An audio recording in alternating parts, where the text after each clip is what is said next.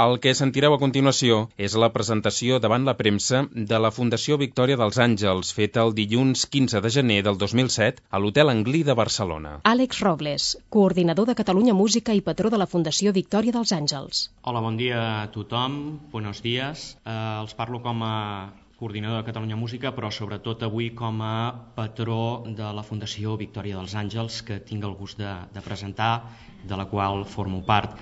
Avui, com podeu veure, ens presideix a més aquest eh, esplèndid dibuix, disseny que ha preparat eh, Antoni Tàpies i que a partir d'avui també és l'emblema de la fundació que presentem. Una fundació que es va constituir el dia 1 de juny formalment i que avui es presenta a la premsa i que es presenta al món com vosaltres sabeu, en aquesta roda de premsa prèvia que estem realitzant, a l'acte de presentació que hi haurà d'aquí una estona al Teatre Nacional de Catalunya.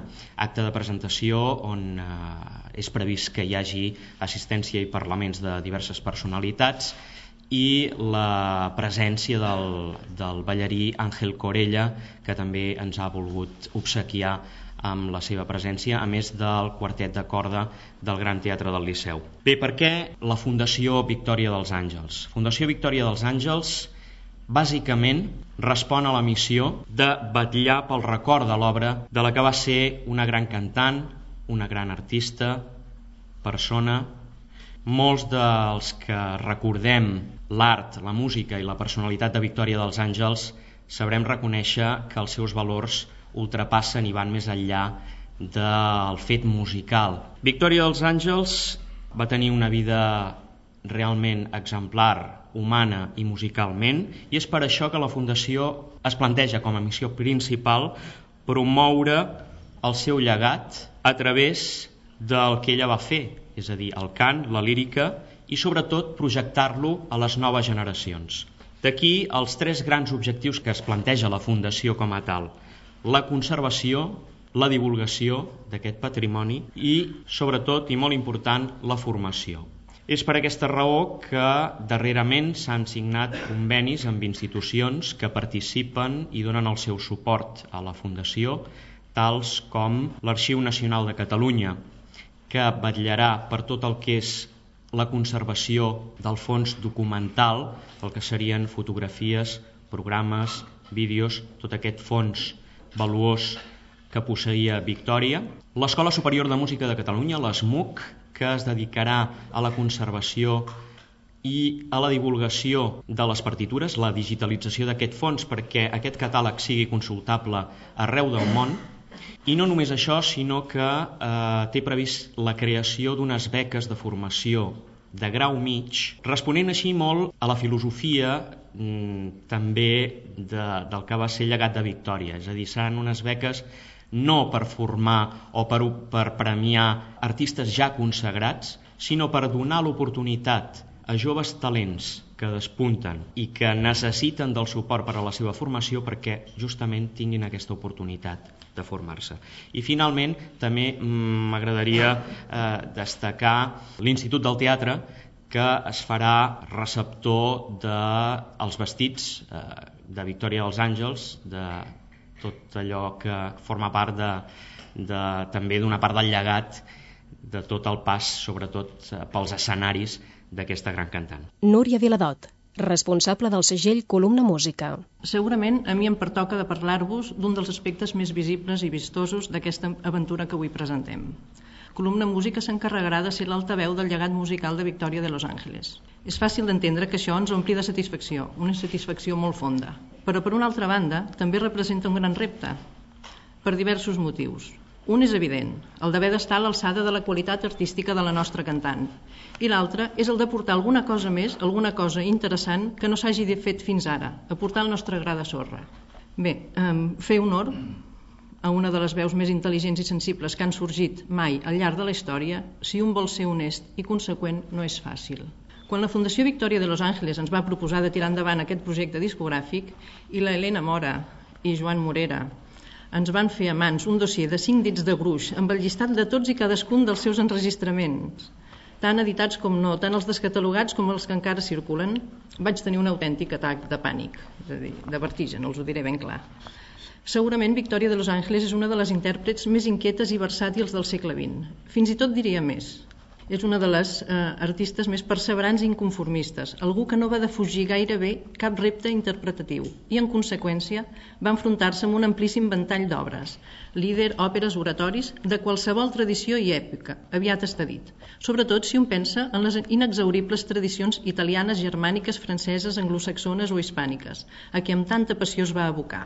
Davant d'aquest devassall de material, vaig proposar de fer un comitè de treball, un consell assessor format per persones que coneguessin molt bé el llegat de Victòria i alhora li sabessin el gust i criteri per tal de no deixar mai de ser-li fidel. Crec que tots els, els implicats en aquesta aventura, no ho dubtin, atesa la precarietat de mitjans amb què comencem aquesta tasca, això és una autèntica aventura, per bé i per mal, és una aventura, res no ens sabria més greu que allunyar-nos de l'esperit amb què ella sempre va enfrontar-se a tots els reptes que la vida li ha anat deparant. Sigui com sigui, aquest Consell Assessor està format per Jaume Radigales, crític musical, que col·labora habitualment a La Vanguardia i a Catalunya Música, entre altres mitjans, Jorge Vinague, argentí, gran i fidel seguidor de Victòria des de fa més de 30 anys, que treballa al Parlament de Brussel·les, Manuel García Morante, a qui tots vostès ja deuen conèixer i que va acompanyar Victòria al piano durant molts anys i a més a més és un dels protagonistes del primer disc que avui presentem. I finalment l'Helena Mora i Joan Morera, president i, i vicepresident respectivament de la fundació que avui presentem. Tots dos, en Joan i l'Helena, tots dos van viure al costat de Victòria durant els seus últims anys i la coneixen i tractaven com a una mare. No cal dir, i aprofito per fer-ho avui públicament, que sense tots ells aquest projecte seria difícil, potser inviable, i per tant els agraeixo enormement el seu esforç i suport incondicional la complicitat que ens fa a tots partícips. Bé, com deia, és amb ells que s'ha endegat aquesta col·lecció que tindrà com a objectius principals recuperar, seleccionar i posar al dia la discografia de Victòria. És a dir, editar per primera vegada aquells enregistraments d'òperes i recitals que han quedat inèdits, editar enregistraments en directe igualment inèdits fins ara, recuperar discografia descatalogada, és a dir, tornar a posar en circulació enregistraments antics que ja no es troben o que han estat només editats en discos de vinil. He de remarcar que en tots aquests casos s'haurà de fer una tasca tecnològica molt acurada per tal d'aconseguir una audició òptima, la qual no hauria estat possible anys enrere per la manca de mitjans tècnics. Sense anar més lluny, la masterització d'un dels CDs que avui presentem ha estat feta en un dels estudis de tractament de so més importants d'Europa, que es troba a Àustria. És a dir, perquè veieu doncs, que aquí es farà una tasca tècnica important i, en fi, que no, no es que tirarem esforços perquè les audicions siguin el més perfectes possible. Aquesta tasca l'anirem fent mica en mica, com és obvi, però amb l'objectiu d'agafar una velocitat de creuer que ens permeti editar entre 3 i 4 títols per any. Avui em plau anunciar-vos que dos d'aquests títols ja els tenim entre nosaltres. Bé, un ja és a les botigues des de fa un parell de setmanes i l'altre serà a mitjan febrer. Es tracta de Tokyo Recitals, bé, en realitat el títol és en anglès, Tokyo Recitals, de 1988-1990 i de l'òpera Marta, de Friedrich von Flotow. El primer, el Tokyo Recitals, conté dos recitals inèdits que Victoria de Los Ángeles va fer els anys 1988 i 1990 a la Sala Camerata i al Symphony Hall de Tòquio, acompanyada al piano per Manuel García Morante, a qui agraïm avui la seva presència. En el disc hi trobareu les delicioses cançons de Schumann, Ravel, Joaquim Nin, Granados i del mateix García Morante. I, per sorpresa de tothom, l'Ave Maria de Schubert i tres cançons de Reinaldo Hahn que ella cantava tot sovint però que no havien estat mai editades en disc. Així doncs, són autèntiques premiers que justifiquen per elles mateixes l'edició d'aquest CD. I l'haurien de convertir en un objecte covejat per tots els amants i seguidors de l'art de Victòria. Pel que fa a Martha, l'òpera de Frederick von Flotow, val a dir que és l'únic enregistrament existent d'aquesta òpera interpretada per Victòria. És per això que l'hem escollit, entre una de les primeres novetats. Es tracta d'una gravació en directe feta al Metropolitan de Nova York el febrer de 1962, amb la doble particularitat de ser, d'una banda, l'única versió anglesa enregistrada i de l'altra una versió molt peculiar ja que es van fer molts canvis a la partitura i al llibret per tal de fer riure el públic. En les principals àrees d'aquesta obra hi trobareu, doncs, una victòria esplendorosa i amb una capacitat de seducció única. Bé, d'entre la seixantena d'obres de què disposem, i per tal de fer un recorregut pel, pel gran repertori de la nostra artista, s'aniran editant enregistraments d'òperes de les diferents tradicions. Si pel que fa a l'Alemanya hem començat ara per Martha, els següents títols seran enregistraments inèdits de la tradició francesa i italiana, entre unes i altres òperes s'aniran intercalant líder, melodí francès, cançó catalana i espanyola, en fi. I aleshores els propers títols per aquest any 2007 tenim prevista l'edició, com que serà el centenari de Joaquín Nincolmell, doncs farem una selecció de totes les obres que Victòria va cantar d'ell i del seu pare, farem un monogràfic Joaquín Nin i Joaquín Nincolmell, pare i fill. Després també, com que se celebra el 20è aniversari de Catalunya Música, doncs també editarem un CD amb el concert inaugural de l'emissora Catalunya Música que va tenir lloc el 1987 al Palau de la Música. Després, l'any 2008, intentarem a veure si podem aconseguir treure el, el Manon de Massenet, una versió al Metropolitan de l'any 59 amb Nicolai Gueda, després un recital del, al Whitmore Hall, Wigmore Hall perdó, de Londres amb Geoffrey Parson del 1990 i un altre CD de cançons infantils i de bressol en col·laboració amb la Fundació Síndrome de Down. L'any 2009, l'Atlàntida de Manuel de Falla, que va ser un concert inaugural de la temporada del Liceu del 92-93, després un altre CD de recital al Palau de la Música del gener de 1999 amb Nicolai Gueda. Va ser un cicle que va fer Ibercàmera aquell any. Després el recital al Liceu de 1992 després d'una llarga absència en aquest teatre amb Manuel García Moranti al piano. I després l'any 2010 faríem un Faust de Gounod, un enregistrament que va tenir lloc en directe a New Orleans, amb Richard Tucker, també l'any 1953, i després un recital al Palau de la Música, també d'Ibercàmera, l'any 1989, en el 45è aniversari del debut de, de Victòria de Los Ángeles que hi ha cançons de Montsalvatge, les cançons negres, les cançons de Toldrà i de Montpou. Després, i per acabar, farem, bueno, o intentarem fer, la Bohem, que és un enregistrament també en directe que va tenir lloc a San Francisco l'any 1962. Mònica Pagès, periodista i responsable dels continguts del web de la Fundació Victòria dels Àngels.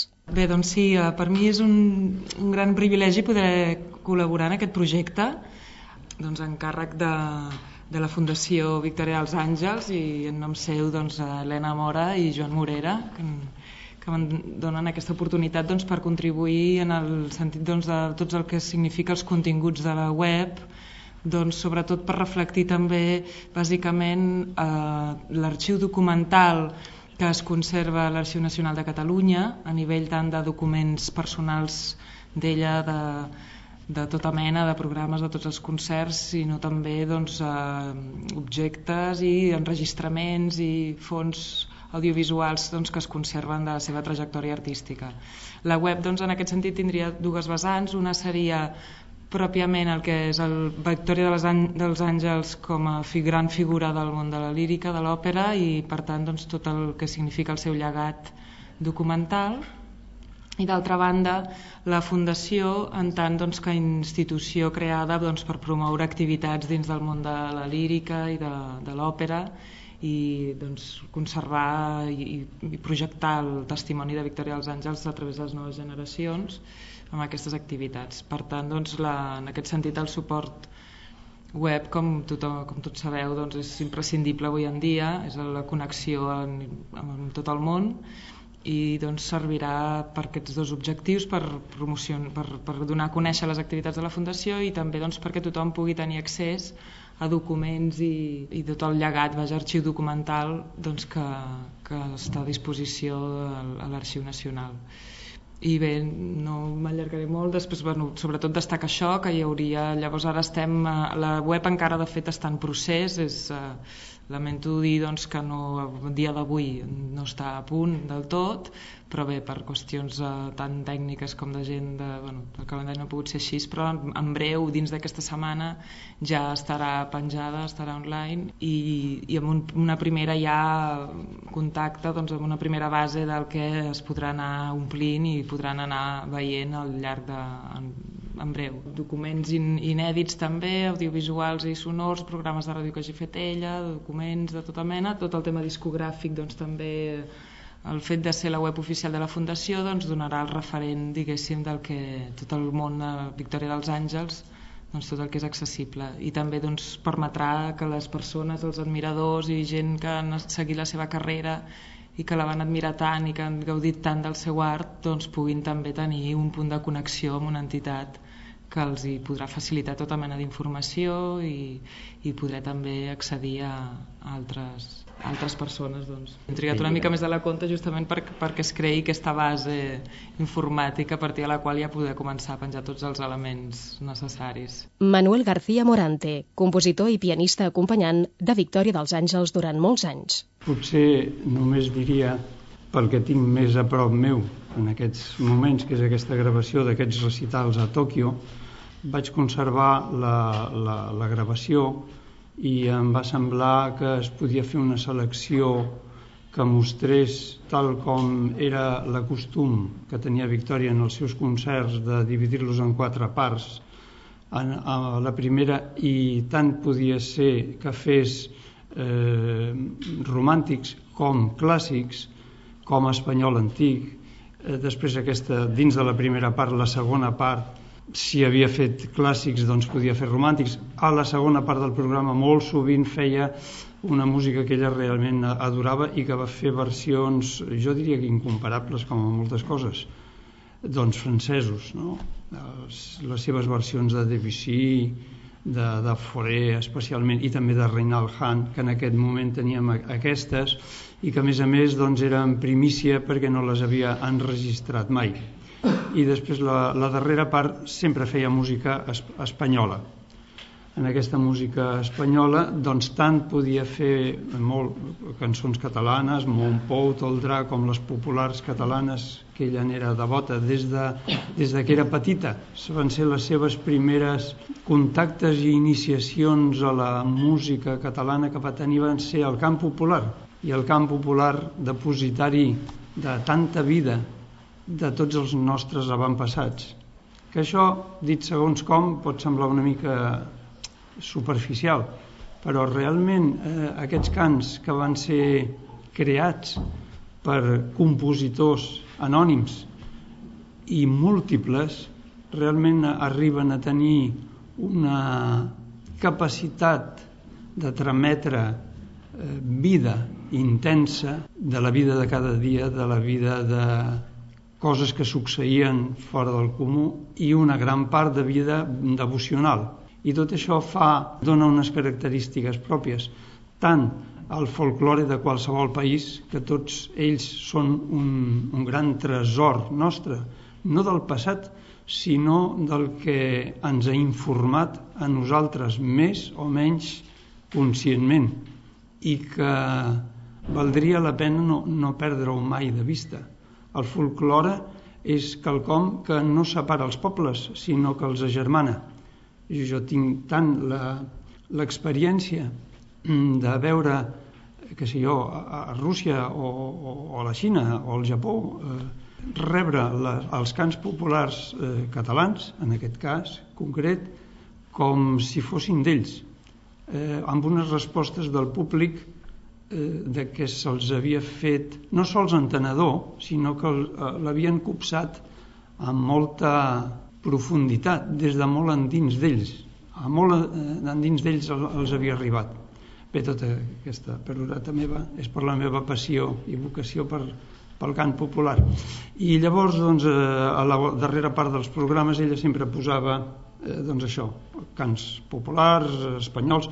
Hi ha un aspecte d'ella que és aquest andalusisme que ja li ve per part del, del seu pare i que ella va eh, viure conjuntament a la seva infantesa, jo diria que hi ha tres fenòmens que van ser molt, molt marcats i, i preciosos. Un és l'andalusisme que va viure a casa seva. El seu oncle tocava la guitarra, ella cantava i tot aquell duende i tota aquella cosa tan captivant de la música andalusa ella ja ho va viure des de nena. Aquell salero, aquella xispa la va tenir amb un grau descomunal. Era una criatura més aviat tímida però que quan es deixava anar doncs tenia una força ja tremenda. I llavors el cant eh, català el va aprendre a l'escola a les escoles de la Generalitat on ella va fer el, el seu col·legi doncs en allà va sentir allò aquells cants. I ell em deia, jo quan vaig començar a sentir allò, em va semblar un món extraordinari, no? com algo que la, la va captivar. Les va arribar a cantar alguna cançó d'aquestes eh, a davant de, del president de la Generalitat, Francesc Macià. Vol dir que tot això va informar molt la seva formació musical en, en profund. I després, una altra cosa que jo sempre he pensat que la va ajudar a formar-se molt va ser que ella cantava sola quan eren els dies de festa a la universitat, a l'aula magna, perquè no hi havia ningú, el seu pare era videll en allà, doncs vivien en allà. I llavors ella cantava per aquelles espais enormes i aquella solitud acompanyada per aquella acústica, jo penso que li va donar una de les característiques que després ella ja tenia en si mateixa, en ella mateixa, i que ja no la perdia cantés on cantés. Vull dir que una part de la de de la seva veu, jo diria que va ser una part pròpia de les seves facultats vocals i una altra part l'autoescola de cant que ella va prendre amb si mateixa al sentir-se la veu en aquelles sonoritats, com li retornava i, i, i bé, ella en el treball diari tenia una dedicació, una il·lusió de conèixer, de retrobar obres i Normalment quan un agafa una obra que fa anys que no l'has feta, gairebé tothom, que jo conegui, jo el primer, mm, t'hi has de tornar a posar. Ella era un exemple rar de que podia agafar un, una cançó de Foré, que feia molts anys que no cantava, i l'agafava i ja semblava que l'hagués estat treballant i vol dir que la seva connexió amb la música era realment excepcional. Després, en el treball, sempre li agradava experimentar Mm, va ser una persona que les seves característiques de bel canto i de manera de fer eren com molt estables, vull dir, no, no donava mai la sensació de que fos un, un intèrpret capriciosa que fes coses rares o avui se li acut això i demà l'altre. Però mm, això no vol dir que realment era una gran improvisadora. No li agradava la repetició en el millor sentit de la paraula, vol dir repetir Mm, sempre escoltava molt profundament i es deixava molt guiar pel que en aquell moment vivia, que estava constituït pel que ell en aquell moment imaginés com el que li donava l'acústica de la sala i fins i tot el públic que l'escoltava. Jo recordo eh, una vegada amb una obra dir, ai mira, la farem amb aquest tempo que va molt bé, més lent i doncs, amén, jo em semblava una cosa que un acompanyant ha de tenir clara és la, que ha de tenir la capacitat de fer les coses de moltes maneres diferents perquè si no no podria eh, acompanyar ningú i, i a més a mi això, aquesta improvisació i aquesta ingeni m'agradava i llavors quan va arribar al concert eh, ho va fer al revés jo vaig començar més lentament i ella ho va fer de cop i volta més ràpid. A mi m'han d'entrar ganes de riure. I després, quan, quan va acabar el concert, em mirava una mica de reull, perquè tenia ella també una característica com de nena, de nena que no havia mm, madurat, sí, però no envellit. I llavors no va dir res. I un altre dia a l'assajar va dir, mira, ho farem així. Et sembla? Sí, sí, sí, sí. Diu, bueno, així o com surti. Vol dir que ella tenia aquestes. Després, en els concerts, era una persona molt sensible al públic. Segons com el sentia, era molt heroica perquè inclús en circumstàncies que no eren favorables de, del que fos, tirava endavant, que diem nosaltres, no? I era molt, molt, molt valenta. Al mateix temps era sempre en la música, tot i que pogués en cert moment tenir el tipus de dificultats que fossin, ella sempre no abdicava mai del sentit profund de l'obra. Era sempre el que posava per davant de tot, fins i tot per davant de eh, un bon estat de veu o que resultés bé o que quedés eh, més ben fet o més mal fet, que sempre ho feia bé, però sempre el sentit profund de, de l'obra. I després, com a persona, en el seu tracte, era sempre molt autèntica i molt alegre. Realment li va tocar molts patiments en aquesta vida, però realment el seu caràcter sempre era molt, molt alegre i, i molt generosa i molt delicada amb el tracte amb, amb tothom. No era una dona que reservés la seva amabilitat per les altes esferes de relació, sinó que sempre ho era amb, to amb tothom. I jo vaig gaudir molt d'això, d'aquesta experiència, i sempre ho he viscut com un gran un gran regal. Fins aquí la presentació davant dels mitjans de comunicació de la Fundació Victòria dels Àngels, feta el dilluns 15 de gener del 2007 a l'Hotel Anglí de Barcelona. Línies addicionals, un programa de Catalunya Música.